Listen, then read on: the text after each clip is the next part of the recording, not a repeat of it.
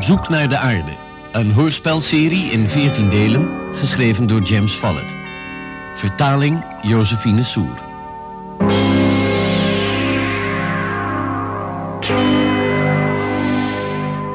Derde deel, First Footprint City.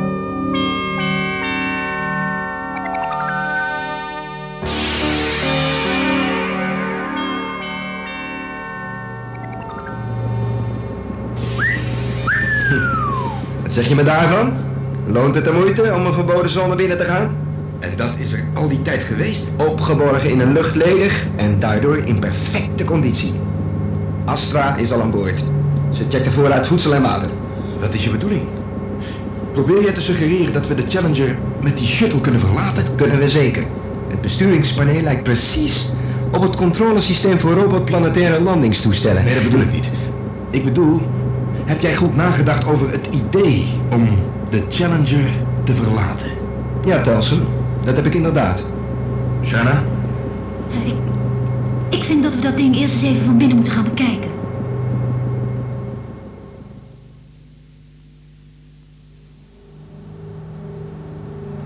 Zitplaatsen en veiligheidsgordels voor 10 personen. Onder elke stoel een ruimtepak. Eten en drinken voor één reis van één maand bij een volledige bezetting. Welke beschermengel heeft de controle? Geen van tweeën. Doe niet zo belachelijk. Als deze shuttle in goede conditie is, dan is engel 1 of engel 2 verantwoordelijk voor de besturing. Tarf heeft gelijk, commandant Telsen. Engel 1, engel 2, hier Telsen. Geef antwoord. Ze horen je niet. Het heeft geen zin, commandant. We hebben de absolute zeggenschap.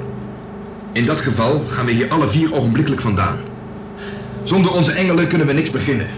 Zonder de engelen waren we al lang dood. Ze hebben altijd over ons gewaakt. Zonder hen was de Challenger een dood schip, zwevend in de ruimte. Een graf voor vier arrogante mensen. Dat wordt het nog eens. Jawel. Tenzij we de aarde terugvinden. Of zijn jullie daar diep in je hart bang voor? Dat ben ik niet. Ik heb net zoveel over de aarde gedroomd als jullie. Als we in een baan om de aarde vlogen, zou ik zeggen: oké, neem de shuttle. Maar zo liggen de zaken niet. Wie garandeert ons dat we iets zullen vinden op de maan? En als er iets misgaat? Ik moet me verantwoorden tegenover engel 1 en 2. Zo, dus we gaan op ons kont zitten en we wachten af. Wil je het zo? Moet je luisteren. Waarom laat je Darf en mij niet gaan? Ik zou ook graag mee willen. Oké, dan gaan we alle vier.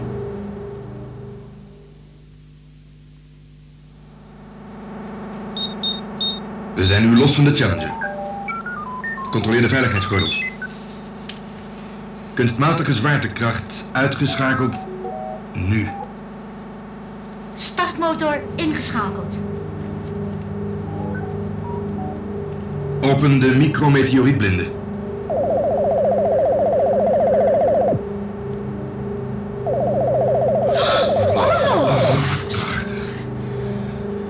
Ik heb me nooit gerealiseerd dat de Challenger zo geweldig groot was. Onze geliefde beschermengelen moeten minstens de helft afgesloten en verzegeld hebben. Het verwondert me niet. Kijk eens wat de schade de grote meteorietinslag veroorzaakt heeft. Hé, hey, de deuren van het excursiestation gaan dicht. Dat geeft niet, commandant. Dat moet een automatische controle zijn. Ik heb hier een knop op het dashboard om stationsdeuren te openen. Ik vind alles best. Zolang we tenminste maar weer naar binnen kunnen. Landingsplaats geselecteerd op het oog. En op de automatische piloot gezet. Alle handelingen uitgevoerd? Alle handelingen uitgevoerd. Alle handelingen uitgevoerd. Alle handelingen uitgevoerd. En nu? Wachten tot de hoofdmotor start om onze snelheid op nul te brengen, zodat we richting maan kunnen vallen. Wij zijn totaal overbodig. Dit ding ligt vanzelf. Ik, ik hoop dat het controlesysteem die hoge bergketen net zo vluchtig erbij ziet komen als ik. Daar heb je de stad. Er brandt een licht. Bovenop de grootste koepel. We zijn ons vermogen kwijt. Er is geen aandrijfkracht meer.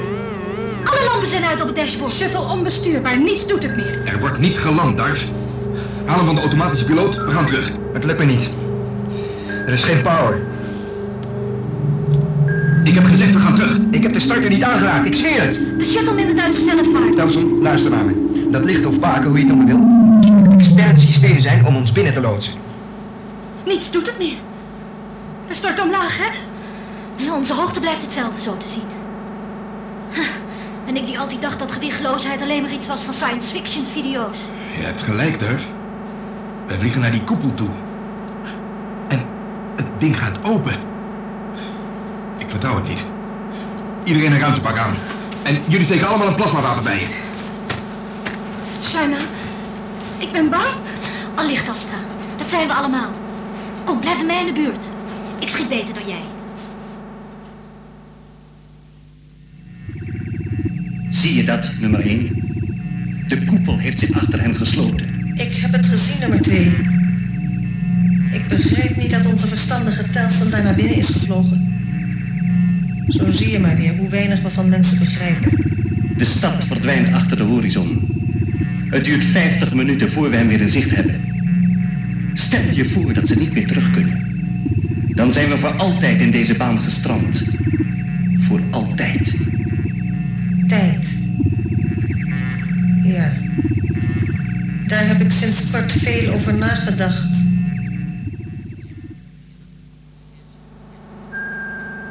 Laten we uitstappen, commandant. Niet voor we zeker weten dat het safe is. We zitten hier nu al een uur alles af te zoeken met de camera. Er is niets. Externe luchtdruk 1 atmosfeer. Zwaartekracht decimaal 1-6. Temperatuur 20. Zie je nou wel? Alles prima, ook al is de zwaartekracht maar 1 zesde.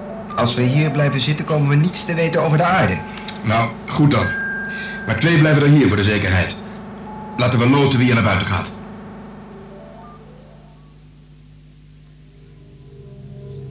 Telsen, Ga je gang, Sarah?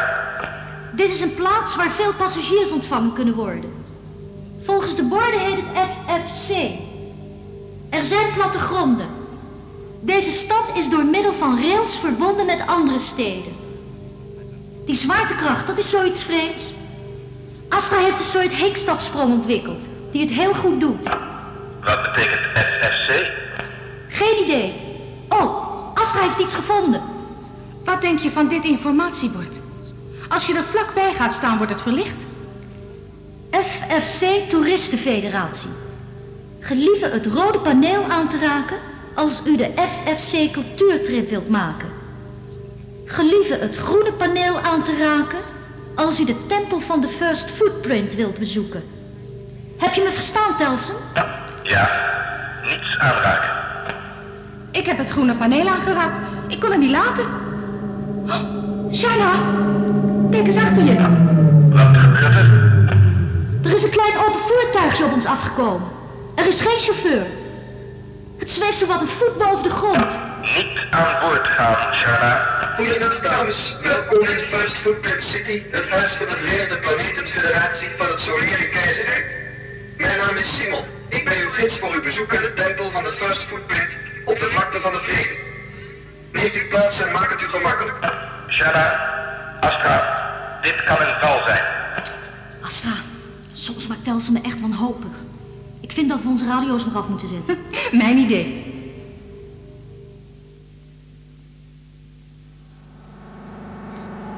Astra? Shanna? Geef antwoord. Die stomme meiden hebben hun radio's afgezet. Ja, wat is daar nou zo leuk aan? Commandant, die twee kunnen heel goed op zichzelf passen. Bovendien zijn ze gewapend. Als ze ons nodig hebben, kunnen ze ons oproepen.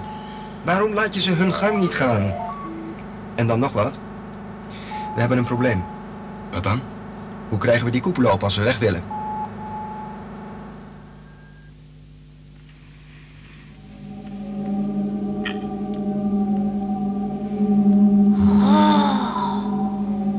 Wat een eindeloze ruimte. En absoluut leeg. Toch zie je miljoenen voetstappen. Waar zijn al die mensen toch? Simon, wanneer waren hier voor het laatst toeristen? Goedendag dames, mijn naam is Simon. De tempel van de First Footprint ligt op een afstand van 1 mijl voor ons. Kijk. Kijk daar eens. Telsen, Duif, kunnen jullie me horen? Ik heb van mijn leven nog niet zoiets moois gezien. Midden op deze glanzend verlichte vlakte staat het eerste landingsvaartuig dat wij naar de maan zonden. Denk maar aan onze oude video's. Hetzelfde schitterend blauwe licht. Oh, Duif, Telsen, het is een sprookje. Goedendag, dames. Mijn naam is Simon. Ik mag niet dichterbij komen, maar u kunt rustig verder lopen tot aan de rand van de kathedraal van licht. Komt u dichterbij. Welkom bij de tempel van de First Footprint, waar Nelson Armitage voor het eerst voet aan land zette. Meer dan 1 miljoen jaar geleden. Nee, dat is verkeerd. Niet een miljoen jaar. Volg de lichtspot met uw ogen. Daar. Daar ziet u de eerste voetstap van Nelson Armitage, die hij meer dan 1 miljoen jaar geleden maakte. Nee, nee, u bent fout. Het was meer dan 300 jaar geleden. Het wachten is nu op het tijdstip waarop de zon een nova wordt en het hele solaire universum vergaat. De aarde was een half miljoen jaar geleden gedwongen om ons heelal te verlaten. Ze bracht alle mannen en vrouwen en kinderen in veiligheid naar een nieuwe zon. Ik bewaar de tempel van de First Footprint en de bibliotheek van het Solaire Keizerrijk.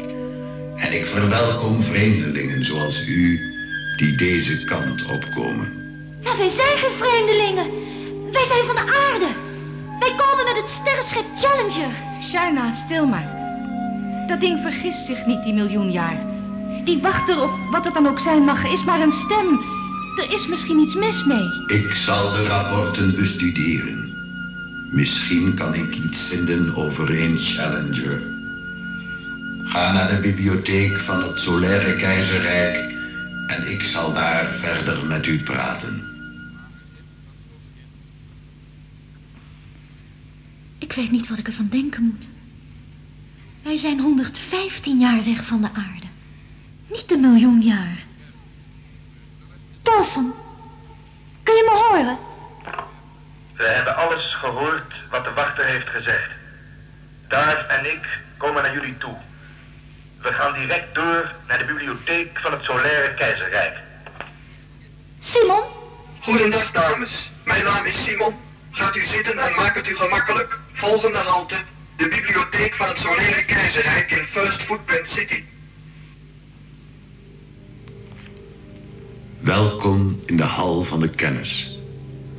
Vrienden, u zei dat u van de aarde kwam met het sterrenschip Challenger. Welnu, er is een referentie van meer dan 1 miljoen jaar geleden over drie Challenger sterrenschepen uit het pre-keizerlijke tijdperk. Drie? Maar er was er maar één. Het onze. Challenger 1, 2 en 3. Ze werden gebouwd toen men ontdekte dat de zon een nova zou worden binnen 1 miljoen jaar.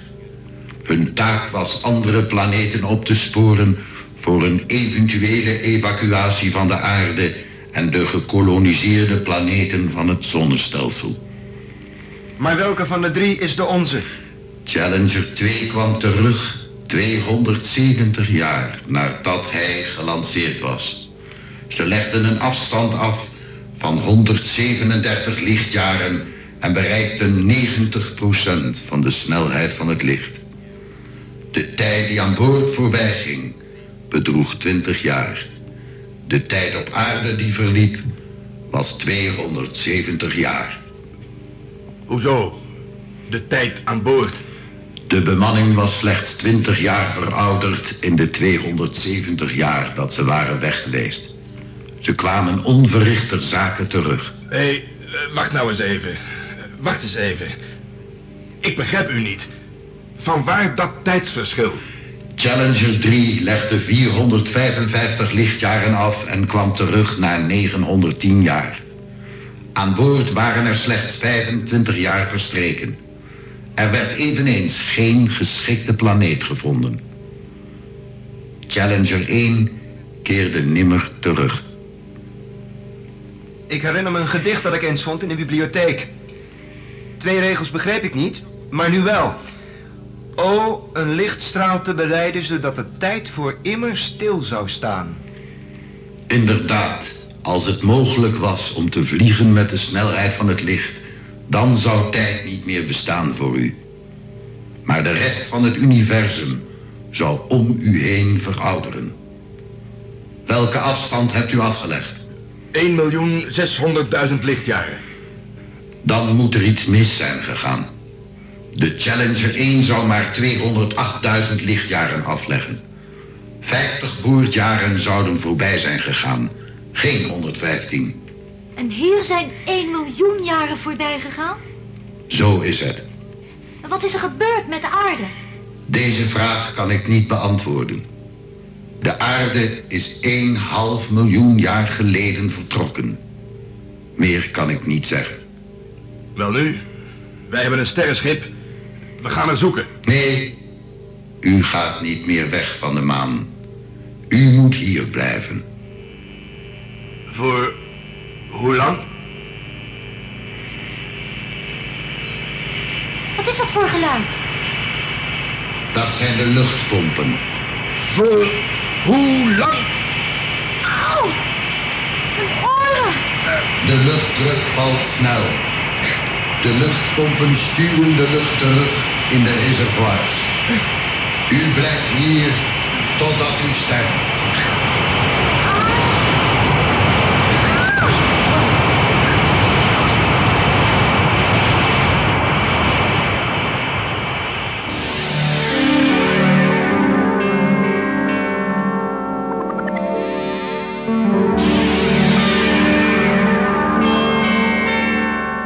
U hebt geluisterd naar het derde deel van Op zoek naar de aarde.